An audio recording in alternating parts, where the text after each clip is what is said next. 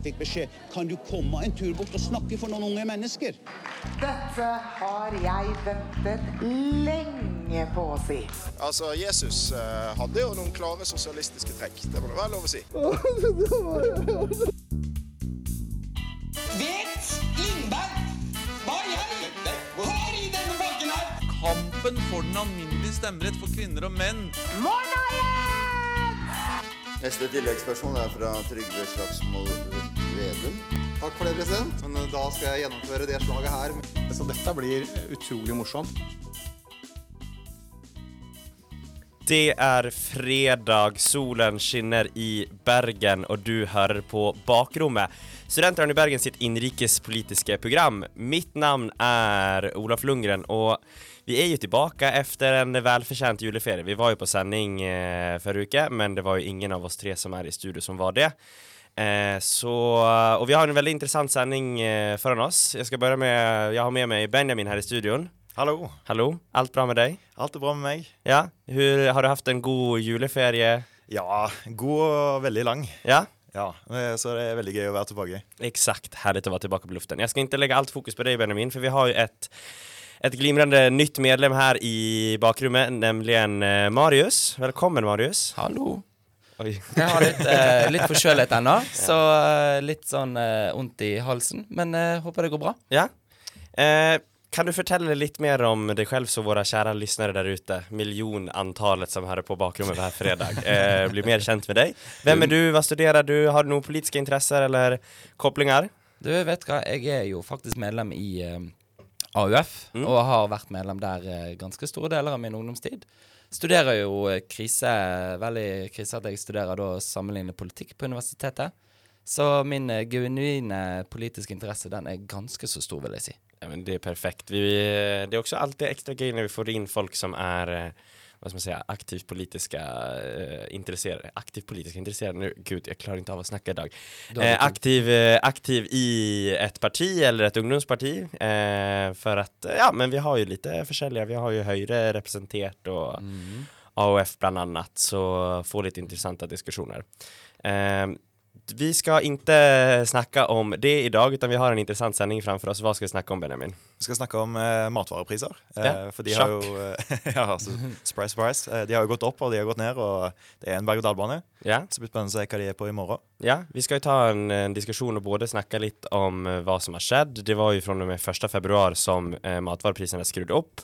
Eh, och så prata lite mer om själva huvudtemat som kommer vara för den här sändningen är just det med matvarupriser och eh, men konkurrenskraftighet och lite aktörer på matvarumarknaden. Eh, vi ska även prata om en viss eh, justitieminister, Marius. Mm. Vad är det som har skett där?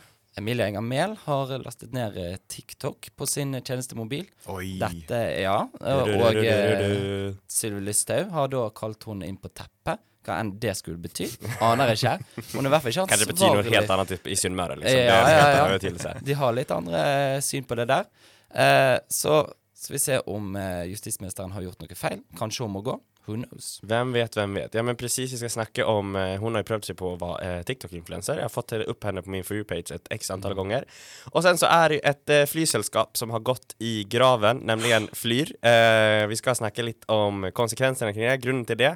Och eh, ja men om det trenger vi egentlig så mange flyselskaper, og hva, hva har politikken at eh, spela der? Men før vi tar oss an den fantastisk interessante sendeplanen, så skal vi ta en lynrask pause, og så er vi straks tilbake. Hva er det mest sexy innenrikspolitiske området som finnes? Er det justispolitikk? Er det samferdselspolitikk? Eller er det Innvandringspolitikk.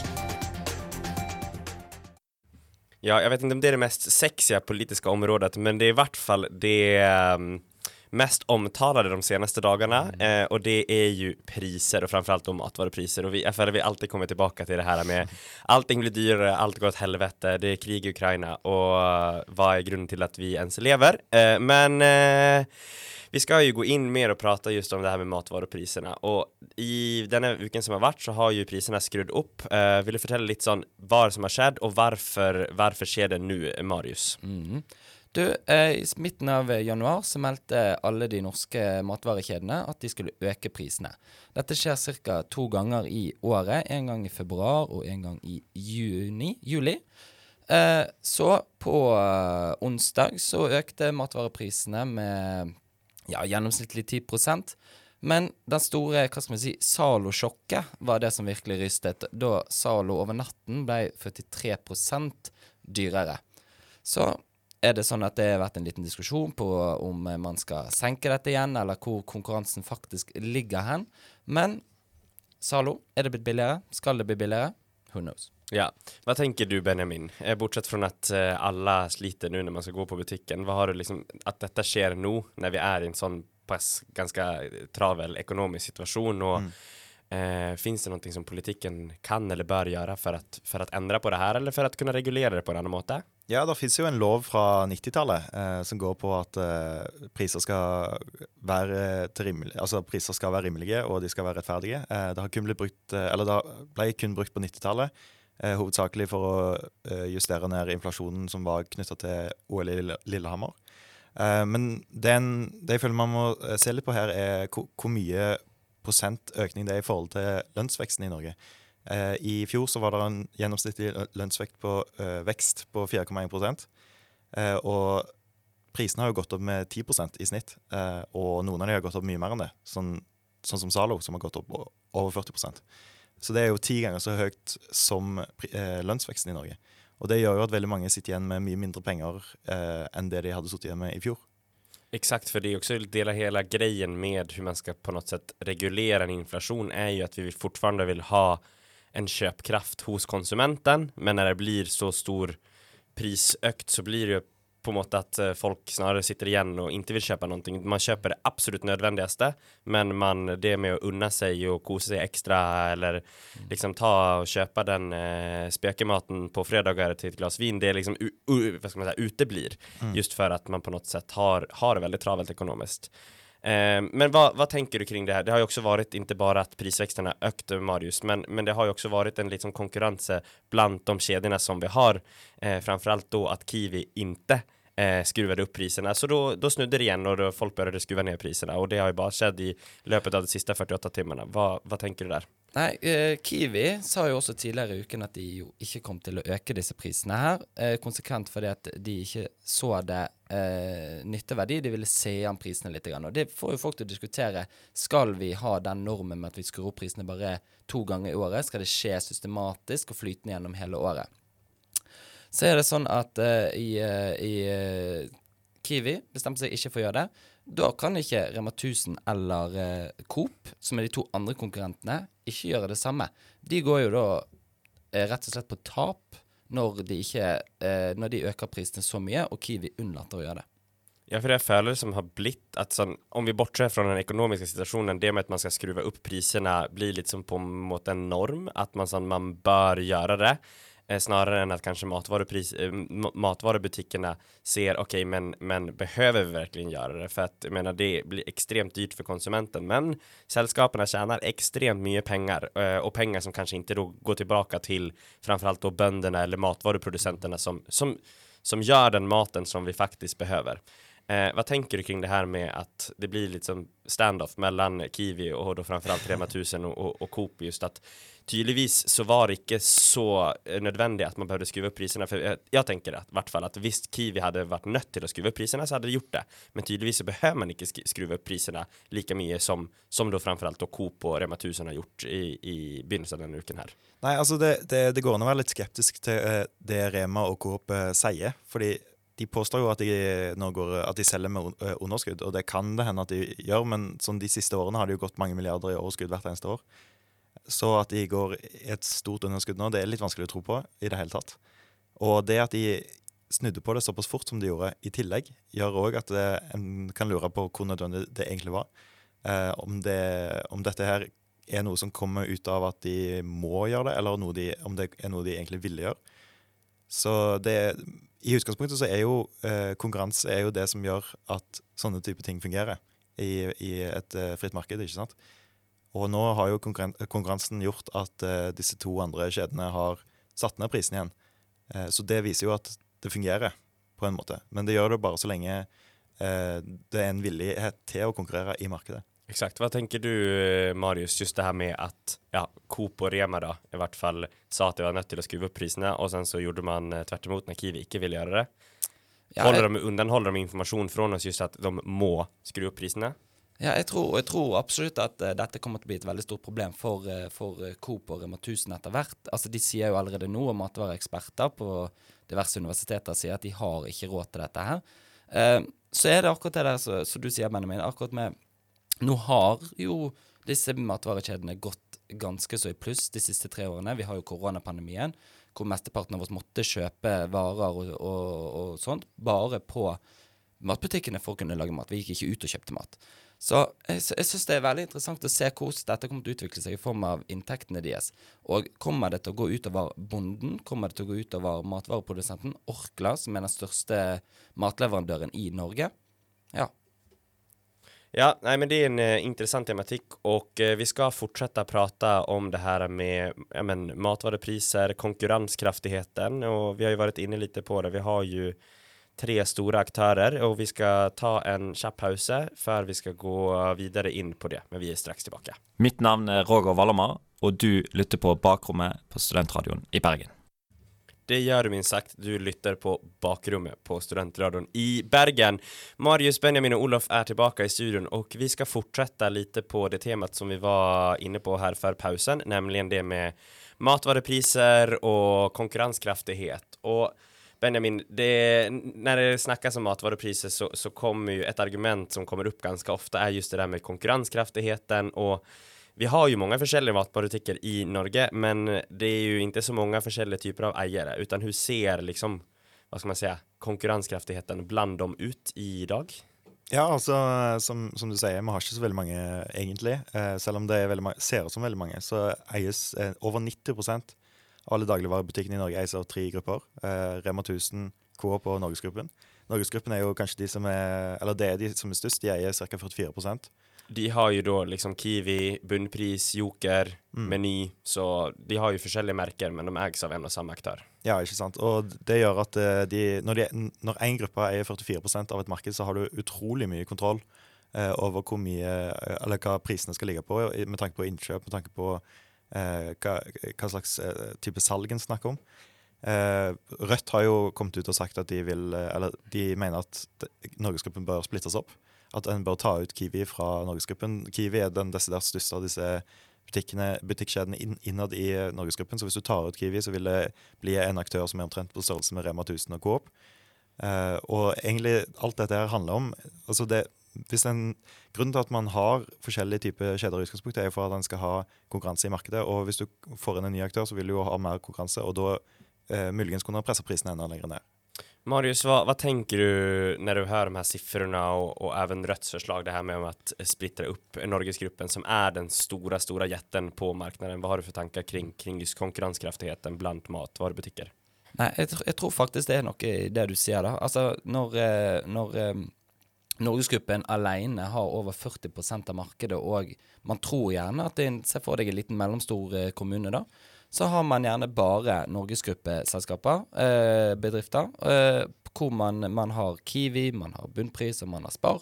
Og så tenker man at nå varierer man på hva man, hvor man er og handler òg, men så gjør man egentlig ikke det.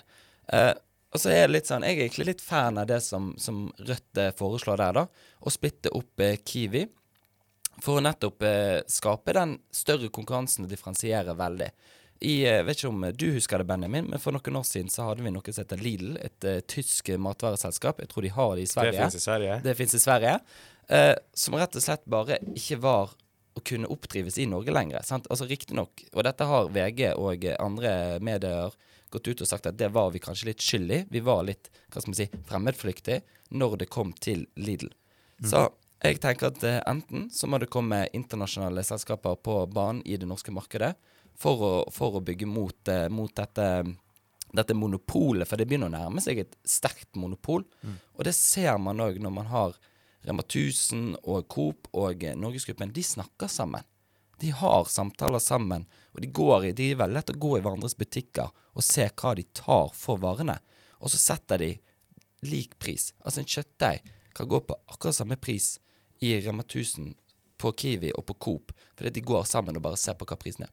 Exakt, och det är det, det, jag tänker att även om nu Norgesgruppen selvfølgelig har extremt stor andel så är liksom resten av de 60 procenten inte delat upp på liksom små försäljare, lokalbutiker eller andra aktörer utan det är ju liksom tre aktörer som du säger som säkert eh, ser mycket på vad de andra gör eh, och följer därefter och då blir det ju en form av monopolisering av priserna på butiken. Och, um, och jag tror ju att eh, rent generellt man hade mått gott visst man hade haft fler aktörer som kan pressa ner priserna.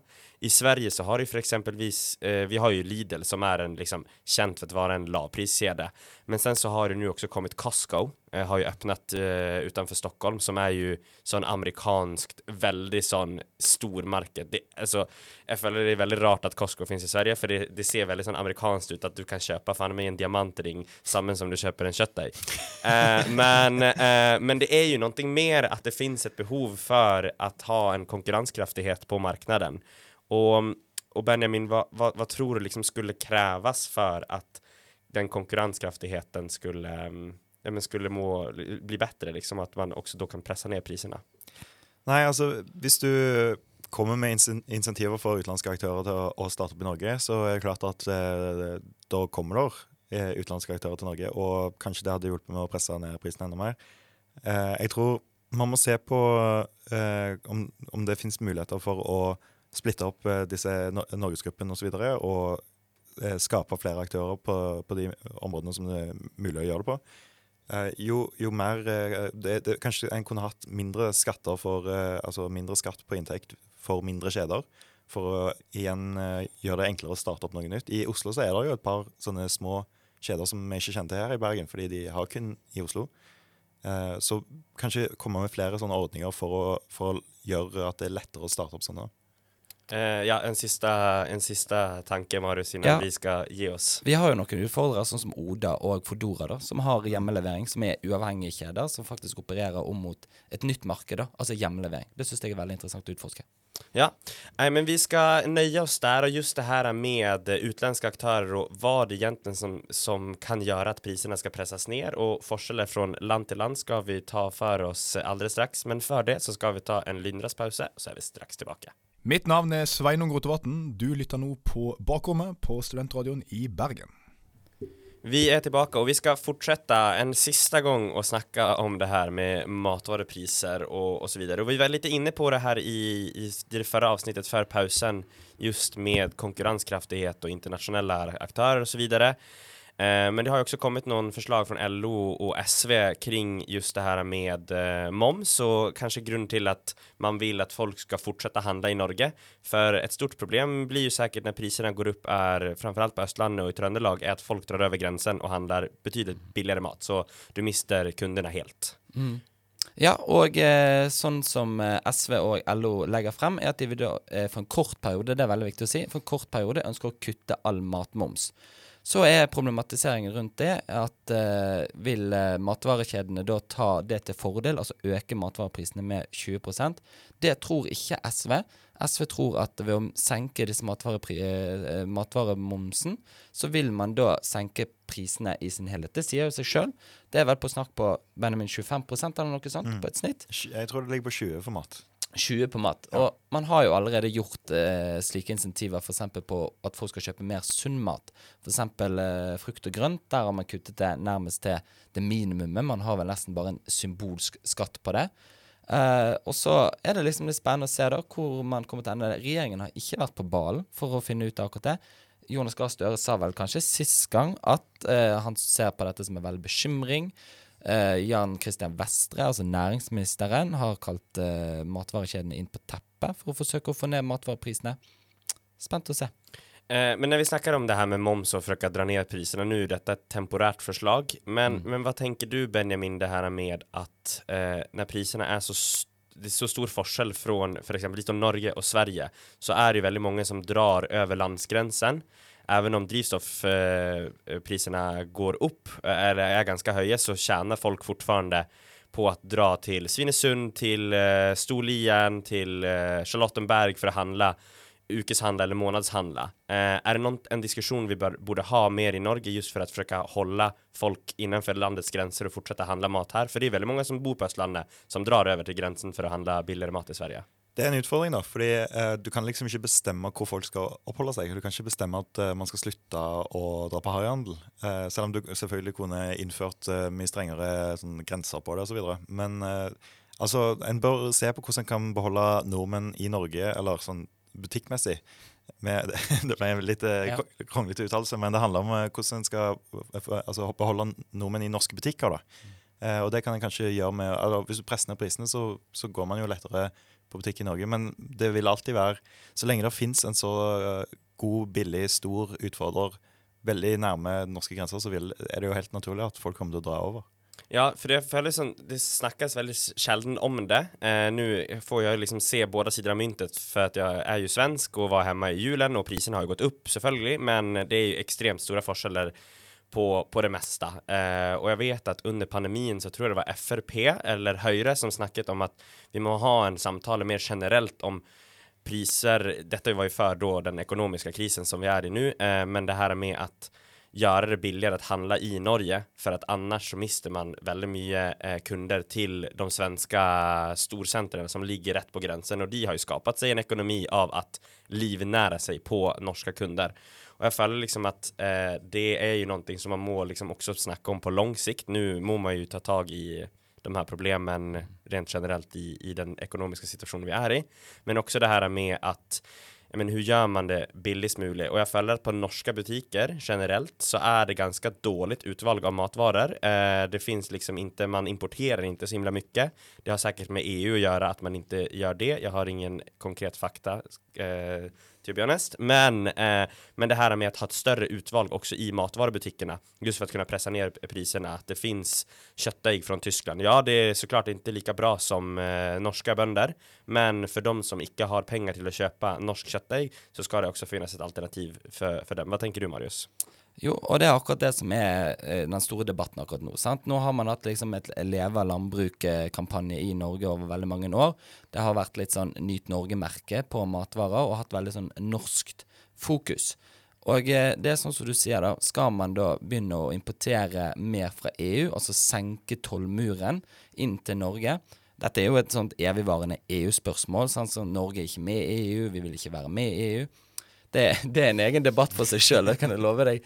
Men, men da er liksom spørsmålet akkurat eh, hvordan skal man gjøre det. Man intensiverer jo veldig på å, å, å, å Hva heter det? Altså gi masse penger til norske bønder for at de da skal kunne drive økonomisk, da, i, eh, i den forstand, eh, til å kunne selge varene sine på det norske markedet. Eh, så er det Skal vi importere mer? Eh, Det er et, eh, et bra spørsmål, eh, som ingen av oss sitter på det konkrete svaret. Det er en, en fråga til Trygve Slagsvold Vedum og til Jonas Gahr Støre. Eh, vi skal faktisk gi oss der med å snakke om eh, matvarepriser og inflasjon og konkurransekraftighet. Vi skal ta en kjapp pause, og etter det så skal vi snakke litt om TikTok og justisministeren. Mitt navn er Audun Lysbakken. Nå lytter du til Bakrommet på Studentradioen i Bergen. Det gjør du minst sagt. Og nå så skal vi gå og prate om eh, litt sånn sosiale medier. Influenserminister, kan man kalle henne det. Eh, justisminister Emilie Enger Mehl har jo fått litt eh, kritikk eh, senest i går av Frp-leder Sylvi Listhaug, just for at hun eh, bruker jo da um, TikTok som eh, en plattform for å nå ut til velgere, unge personer i hennes jobb. Jeg skal innrømme at jeg sett på noen av de, og er ganske sånn greie for å liksom forklare hva faktisk jobben som justisminister eh, innebærer. Men det som kritikken handler om, handler jo da framfor alt ikke om at hun har TikTok, utan at hun har eh, det har kommet frem at hun har TikTok på, på jobbmobilen sin. Og da har jo da Frp stilt til spørretime, der de har tenkt å stelle to spørsmål eh, til justisministeren, stelle henne mot veggen, der de da skal stille om mener statsrådet at det å installere TikTok på tjenestetelefon er en henhold til Nasjonal sikkerhetsmyndighetsråd for mobilbruk, og mener statsrådet at informasjonsplikten eh, overfor Stortinget er oppfylt. Marius, hva tenker du kring det her og den kritikken som nå riktes mot eh, Engermel eh, kring å ha TikTok på eh, arbeidsmobilen sin? Ja, jeg, jeg syns jo personlig da at jeg eh, Altså, jeg syns, det er litt vanskelig, da. For, det, for det første så syns jeg at det er en, en ganske sånn Ja, det er en, en ikke-sak, egentlig. Jeg syns ikke det er så veldig farlig, jeg syns ikke at det er så veldig Og det har ikke, sånn som jeg har sett det, ikke kommet frem at det har vært noen lekkasjer, eller at TikTok eh, har eh, trukket ut noe informasjon fra hun som kan være kritisk for den rollen hun har. Eh, så syns jeg liksom at det er også en sak som ligner veldig på den saken vi hadde med Per Sandberg når han var i Iran for noen år siden. Og da er det litt sånn OK, han måtte jo gå for akkurat det han gjorde. Eh, må nå eh, eh, justisministeren også gå.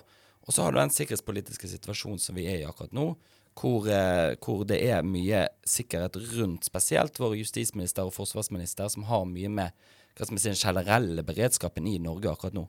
Så jeg tror ikke hun må gå, men uh, vi får se. Vi vet jo det at Frp har jo ikke noe godt å si om regjeringen. sant? De ønsker å sette kjepper i hjulet. Nei, hva, hva tenker du, Benjamin? Er det problematisk at uh, justisministeren har uh, TikTok, altså en app som eies av et kinesisk selskap, eh, på noe sett kontrolleras av den kinesiske staten. Er det problematisk ur et sikkerhetsperspektiv at justisministeren har det på mobilen sin? Eh, ja, det tror jeg faktisk at det er. I USA så er det ulovlig for eh, myndighetene, altså folk som jobber for myndighetene, å ha TikTok på telefonen. Og det er fordi at etterretningstjenesten i USA mener at det er såpass stor risiko for at kineserne hører på, at eh, det, det er ikke verdt risikoen. Og altså, Nå sier ikke jeg at hun skal måtte gå for dette, her, men at det, at det er et brudd på den um, Altså at det er en risiko involvert her, det er jeg ganske sikker på at det egentlig er. Fordi det er en grunn til at Kina har investert så mye penger i TikTok som de har gjort. Altså Da mener jeg myndighetene i Kina har investert veldig mye penger i TikTok. Og altså som eh, Altså algoritmen til TikTok er jo helt utrolig. ikke sant? Den, eh, den finner akkurat hva, hva du er interessert i hele veien.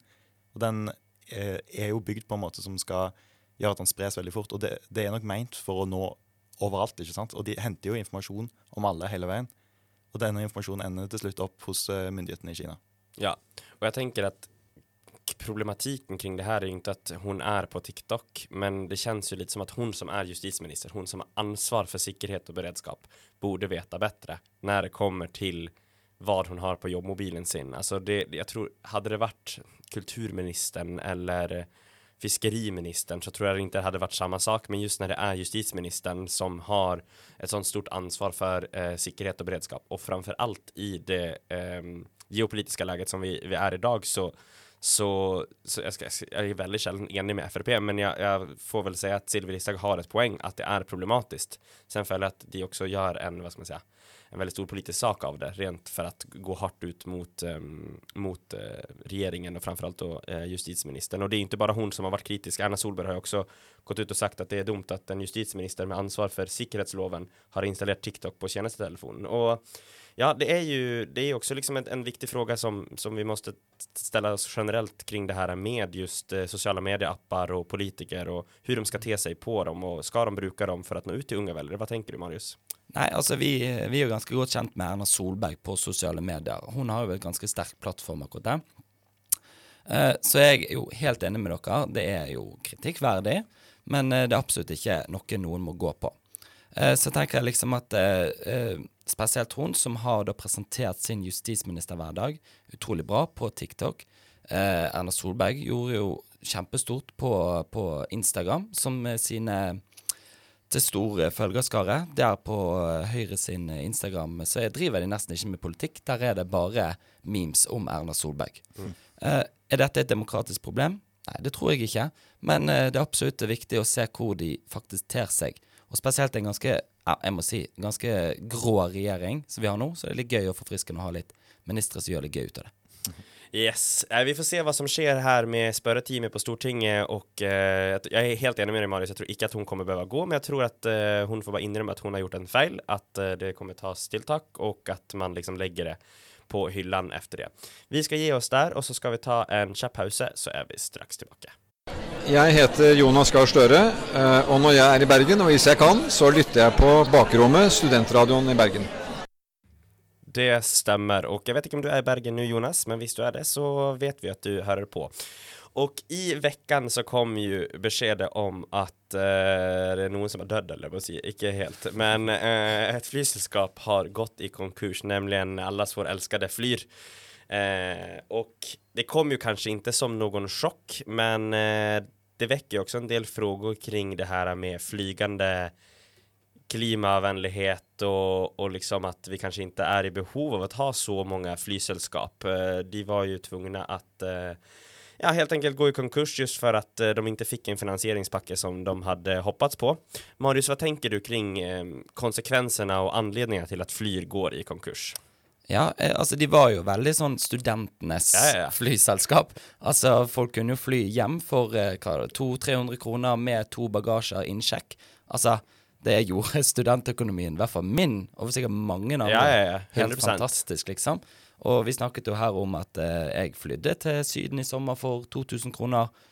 eh, To innsjekksbagasjer. Ja, ja. Jeg flyttet flydde til Malaga i sommer direktflyg fra Bergen for 450 spenn, liksom. Mm. Eh, så jeg føler de siktet jo inn seg på at det var lav pris, liksom, konkurrere liksom på pris med SAS og Norwegian. Mm. Men har det her noen, liksom, sier det noe om vårt behov for å flyge? Ja, altså Jeg tror at uh, med den uh, hva som i hvert fall miljøbevisstheten sant, omkring, uh, omkring det å fly, i hvert fall den der innenlandsflyvningen som vi gjør betraktelig mindre ut av. Hvis vi skal ha et eh, møte i Oslo, nå tror jeg veldig få studenter som har det, men de av oss som har det, så det, går det som oftest over på Teams. Og det er jo pandemien sin hva skal man si, store, store influens på oss, da.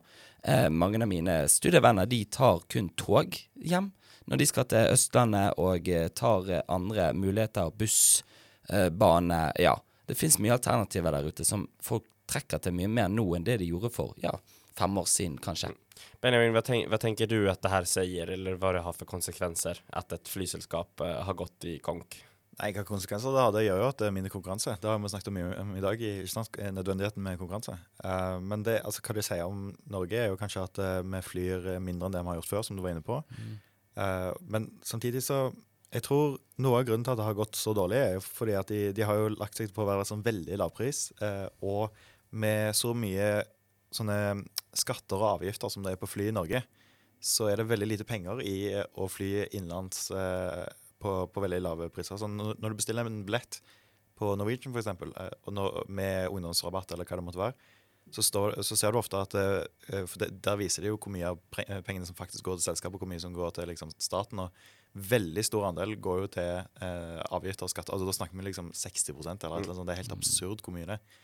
Så at det ikke er så veldig mye penger i å fly i Norge, det er ikke så overraskende. Det er egentlig mer overraskende at de tenkte at dette her kom til å gå bra. Ja, for jeg tror jo anledningen til når, när Flyr grundades i 2020 så tror jeg det er også det sämsta året att starta ett. Men de, de, de gjorde ju någonting riktigt för de blev ju väldigt populära väldigt fort. Men jeg tror også tanken bak det var vel at de hadde hoppats på at Norwegian skulle gå i konk. Men sen så, Norwegian er jo et betydelig mer etablerat selskap, og så gikk den norske staten inn og räddade räddade Norwegian. Uh, men, men jeg tror at, uh, at Flyr eh, inte fick det till eh, går ju även ut för studenter som du säger. För att alltså, hvis du ser på priser på SAS och Norwegian så är det jävligt dyrt.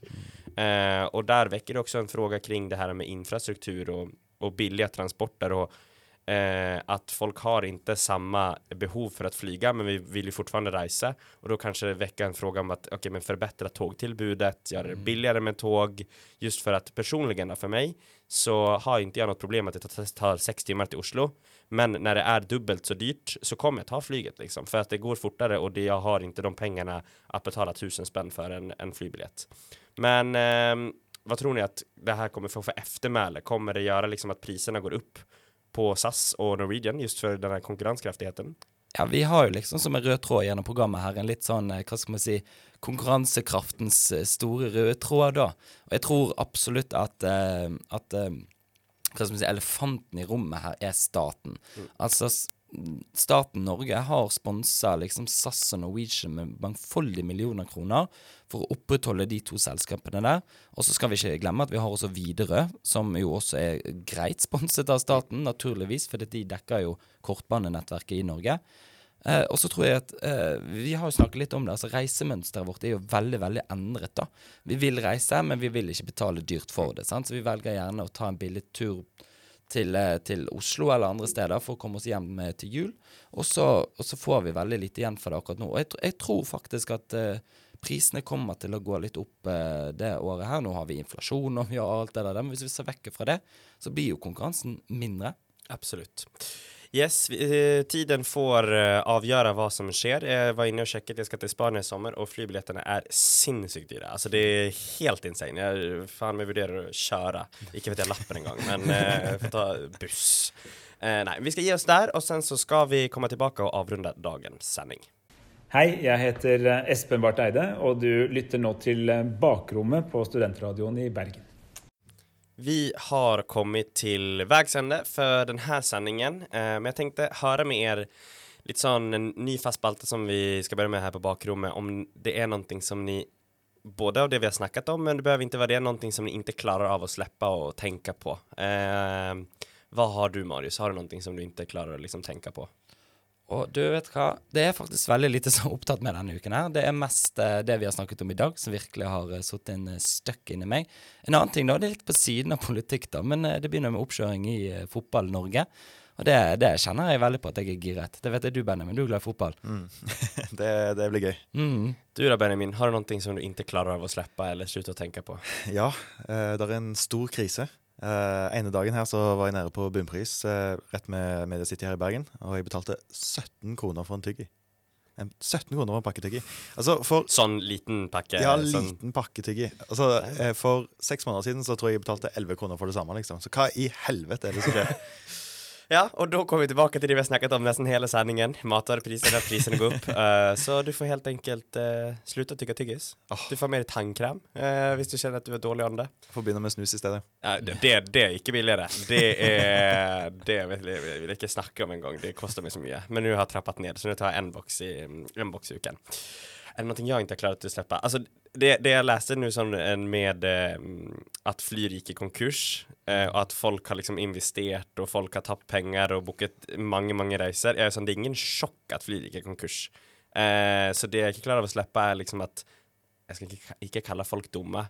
Men det er liksom sånn OK, det kom ikke out of the blue at Flyr gikk i konkurs. Det har jo vært snakk om det jævlig lenge, at det går veldig dårlig økonomisk. Så ja, vi får håpe at eh, det løser økonomisk med de som hadde kjøpt masse billetter. Det var noen klass som hadde kjøpt flybilletter for 10 000 kroner eller noe sånt. Så um, jeg får håpe at det, um, det går bedre. Uh, har du noen gøye planer i helgen, sånn uh, på avsluttampen her? Du, jeg skal faktisk eh, jobbe i helgen. Eh, jobben min har åpnet et nytt eh, Fysak, som er et aktivitetstilbud for unge. Mm. Så vi får sponsa sushi fra kommunen. Nice. Så jeg skal spise sushi og være på jobb i helgen. Herlig. Du da, Benjamin? Jeg òg skal jobbe. Eh, vi vi har litt deadlines som begynner å nærme seg, så må bruke litt tid i helga på det.